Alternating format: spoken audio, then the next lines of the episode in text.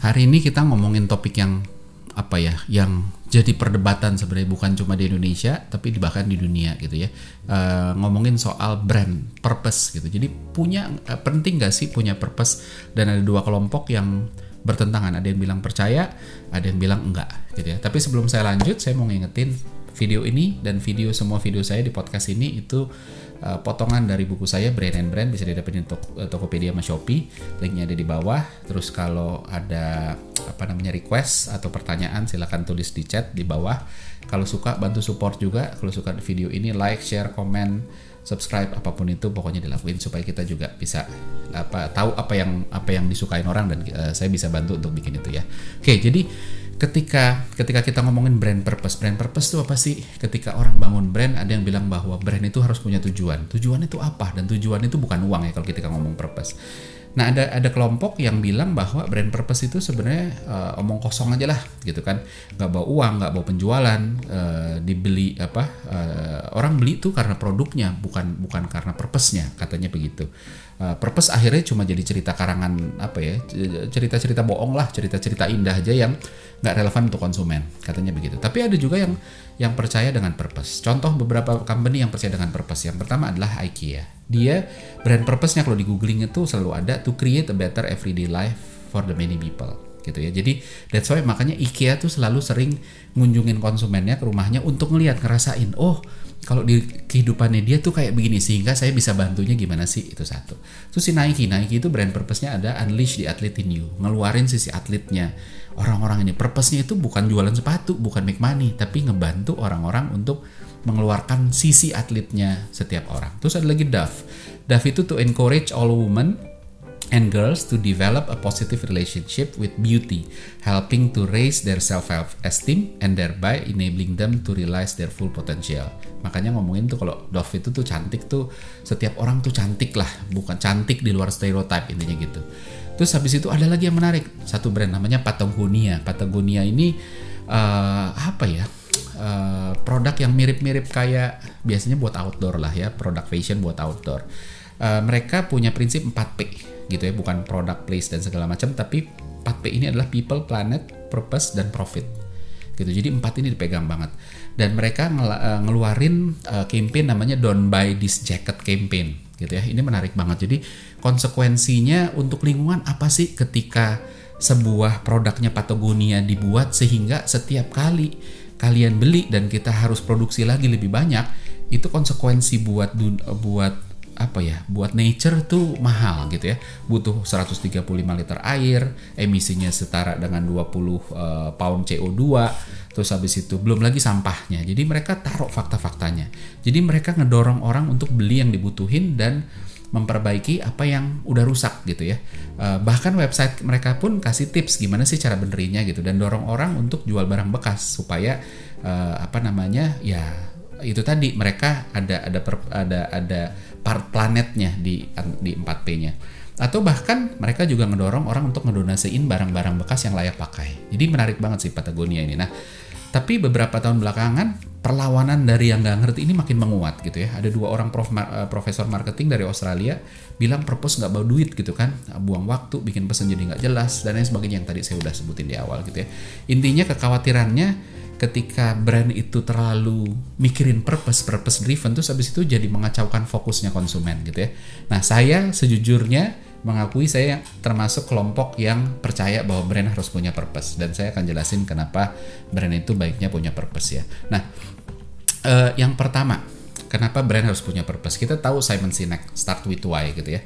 Uh, dia cerita bahwa Apple ini nggak sekedar jualan produk gitu, tapi dia jualan purpose produk yang uh, produk-produknya Apple itu cuma cuma salah satu cara untuk mencapai purpose-nya itu tadi gitu. Jadi start with why, why-nya dulu apa, terus how-nya gimana, terus baru what-nya gimana.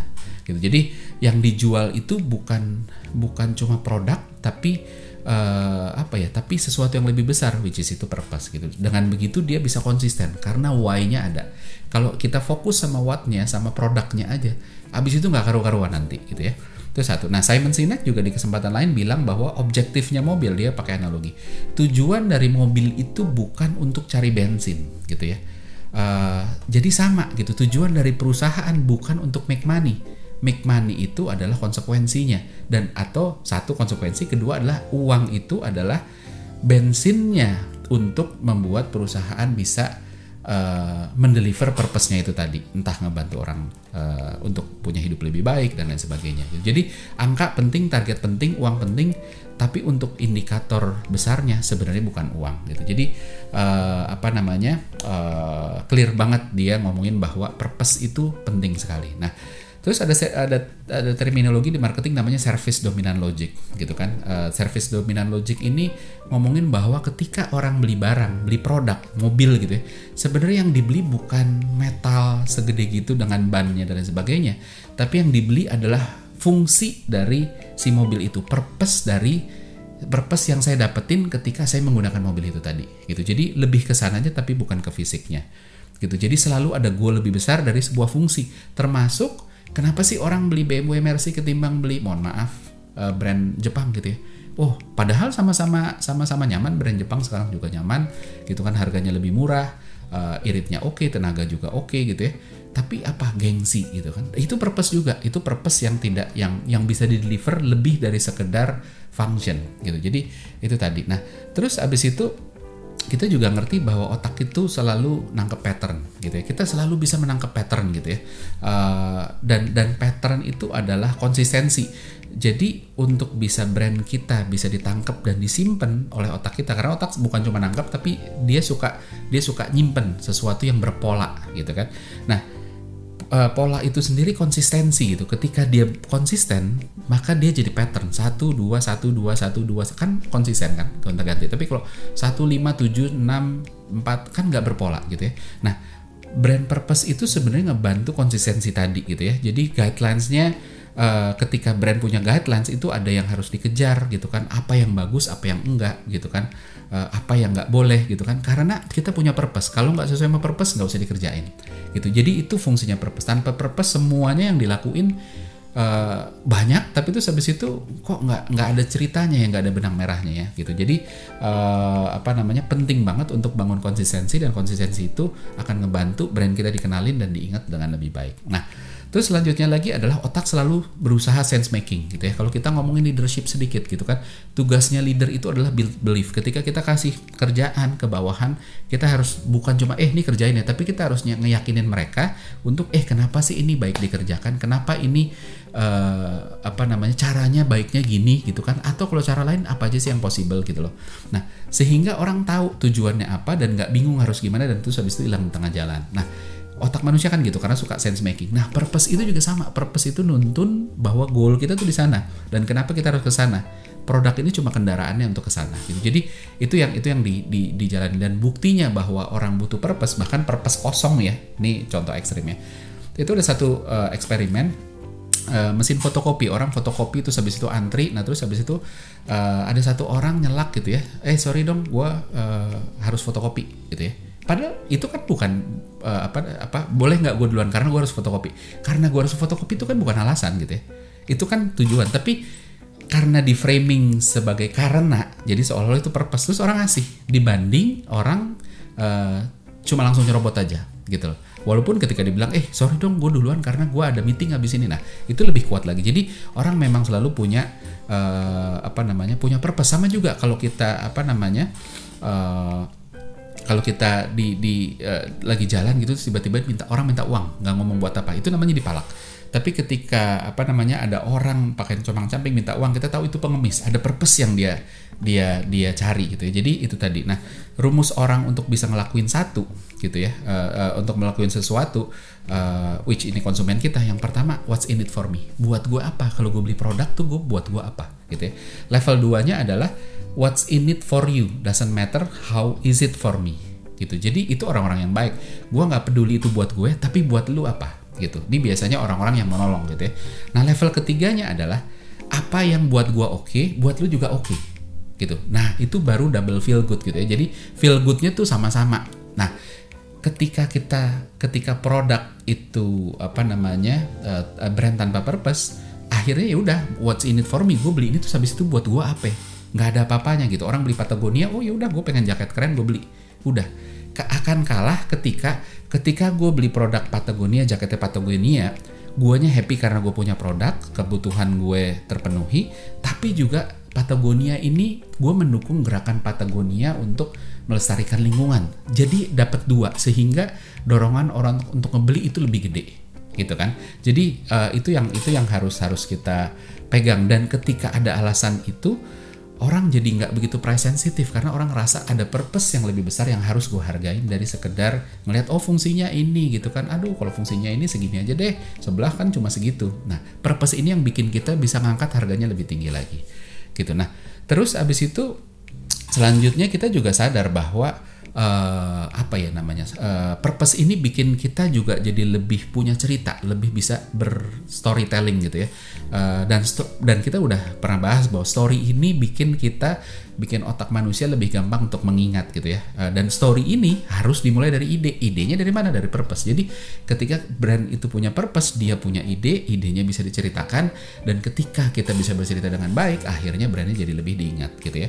Nah, jadi uh, itu pentingnya dan yang terakhir ketika kita punya purpose ini jadi pembeda gitu. Jadi orang bikin apa pun gitu ya. Uh, yang bikin jaket tuh bukan cuma Patagonia, banyak gitu ya. Tapi yang membuat Patagonia beda itu bukan cuma sekedar kualitas, tapi bahkan ketika kualitas kualitas itu bisa bisa dijiplak gitu tapi purpose itu berbeda purpose pun bisa dijiplak tapi orang kan bisa ngebedain oh ini purpose-nya ngada-ngada aja sementara yang ini emang serius gitu jadi ini yang bisa jadi pembeda bahwa apakah ini sesuatu yang apa ya yang yang memang harus gue beli atau enggak gitu nah selanjutnya kita ngomongin soal purpose, purpose. Kalau ngomongin purpose terus purpose-nya kayak apa sih? Apakah semua purpose bisa? Enggak gitu. Syarat pertama adalah purpose itu harus otentik dan jujur gitu. Jadi jangan apa ya uh, bukan ngada-ngada gitu kan. Daripada ngada-ngada terus ya mendingan nggak usah punya purpose sebenarnya gitu ya. Dan bukan soal adu bagus juga. Karena ketika purpose-nya itu nggak jujur nggak otentik akhirnya jadi jelek. Contoh misalnya Tesla itu purpose-nya adalah accelerating world's renewal energy uh, transition. Jadi dia mau ngedorong pem, apa ya energi terbaru uh, apa ya uh, transisi energi terbarukan gitu ya. Produknya selalu seputar itu uh, dan that's why makanya dia open source gitu kan. Tesla itu mengopen source kan gimana caranya bikin mobil listrik that's why, supaya orang rame-rame juga bikin gitu. Jadi karena dia mau ngedorong bukan cuma buat dia tapi buat dunia supaya dunia ini nggak pakai energi fosil gitu ya.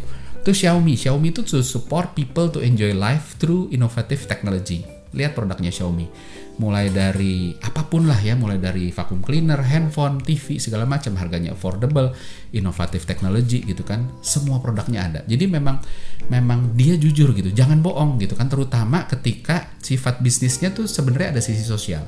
Contoh apa? Misalnya rumah sakit, rumah sakit ngomong peduli gitu ya, tapi ada pasien nggak punya uang ditolak. Nah, di situlah jadi masalah. Terus habis itu apa? Institusi pendidikan ngomong peduli pendidikan, tapi menghalalkan segala cara untuk bikin orang masuk sekolahnya dia ketimbang sekolah sebelah gitu ya. Itu itu jadi bahaya. Karena pendidikan ya harus harus punya apa ya harus punya budi pekerti juga kan gitu ya. Nah mereka yang nggak punya purpose yang jujur uh, apa nggak akan bisa konsisten gitu kan. Uh, kalau kalau nggak jujur ya kalau jujur akan bisa konsisten karena bukan cuma bukan cuma bumbu, bukan cuma makeup, tapi benar-benar keluar dari dalam hati uh, apa namanya dan dan apa uh, ketika kita punya purpose, uh, karyawan juga akan lebih happy karena sejalan dengan apa yang dimaunya. Ketika kita hire orang juga orangnya juga orang yang memang sejalan dengan purpose-nya, gitu. Uh, apa namanya? Penting banget makanya purpose itu itu uh, benar-benar otentik dan jujur. Nah selanjutnya adalah purpose ini harus relevan purpose kalau nggak relevan tuh buat apa gitu ya misalnya uh, apa ya apa pun itulah gitu karena misalnya pendidikan gitu ya institusi pendidikan purpose-nya adalah uh, apa misalnya uh, bikin orang uh, apa ya misalnya sehat gitu ya. Ya bisa sih ngedidik terus habis itu sehat. Tapi kalau pendidikan pendidikan umum terus habis itu apa hubungannya sama sehat gitu. Tapi bikin orang punya uh, learning attitude. Sehingga apa pun yang dia bikin uh, apa pun orang itu hidup terus dia punya punya mental untuk selalu belajar, punya growth mindset itu yang penting. Tapi kalau nggak sejalan, abis itu akan susah gitu ya. Eh, dan brand offernya jadi nggak nggak relevan, terus orang nggak bisa nangkep pattern ini hubungannya apa ya sama ini gitu ya. Nah, yang paling penting terakhir adalah purpose itu nggak boleh egois. Contohnya purpose egois itu apa sih? Purpose yang uh, naro apa ya? Uh, purpose kita adalah make money itu bukan purpose gitu. Karena itu egois itu kan buat ya, pemilik brand buat konsumen apa artinya itu bukan brand dengan purpose yang resonate buat konsumen that's why makanya uh, apa namanya pada akhirnya nanti nggak konsisten dan bisa menghalalkan segala cara. Jadi saya percaya banget bahwa brand harus punya purpose karena berbagai macam tadi bikin kita jadi lebih punya pembeda, lebih bisa diingat uh, orang, bisa jual dengan harga mahal tanpa orang komplain gitu ya. Tapi harus otentik, jujur, terus abis itu relevan gitu ya, uh, sehingga orang juga bisa nangkapnya dengan baik.